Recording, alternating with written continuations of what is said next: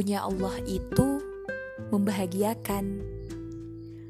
Punya Allah itu menyenangkan. Punya Allah itu membuat kita menjadi nyaman, aman, dan yakin. Segala tentang janji Allah, tugas kita hanya satu. Apa itu? Tugas kita adalah amanah.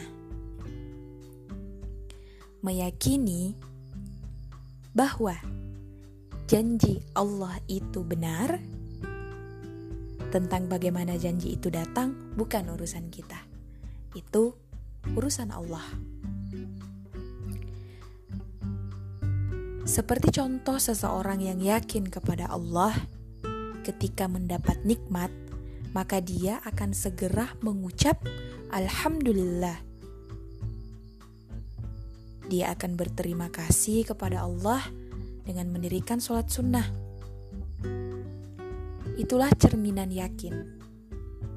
Kita yakin Allah ada, keyakinan itu terimplementasi dalam tindakan kita.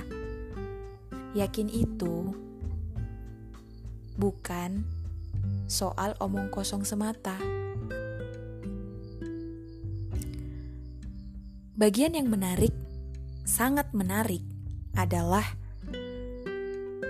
kalau kita lihat orang-orang yang tidak menyandarkan keinginannya ke Allah aja, itu bisa terwujud. Apalagi orang-orang yang meyakini bahwa Allah yang punya segala jawaban dari keinginan kita.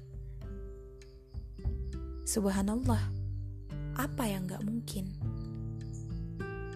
Semuanya mungkin bagi Allah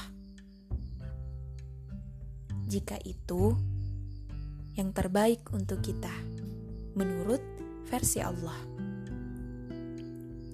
Hanya Allah yang tahu kemampuan dan ketidakmampuan kita. Jika kita mampu, Allah akan beri. Jika kita tidak mampu, Allah tidak akan berikan ke kita, tetapi akan memberikan itu kepada orang lain yang mampu.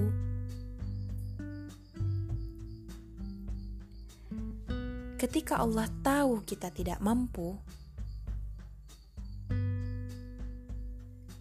Allah akan memberikan kemampuannya untuk memampukan kita. Cakep banget kan? Enak banget.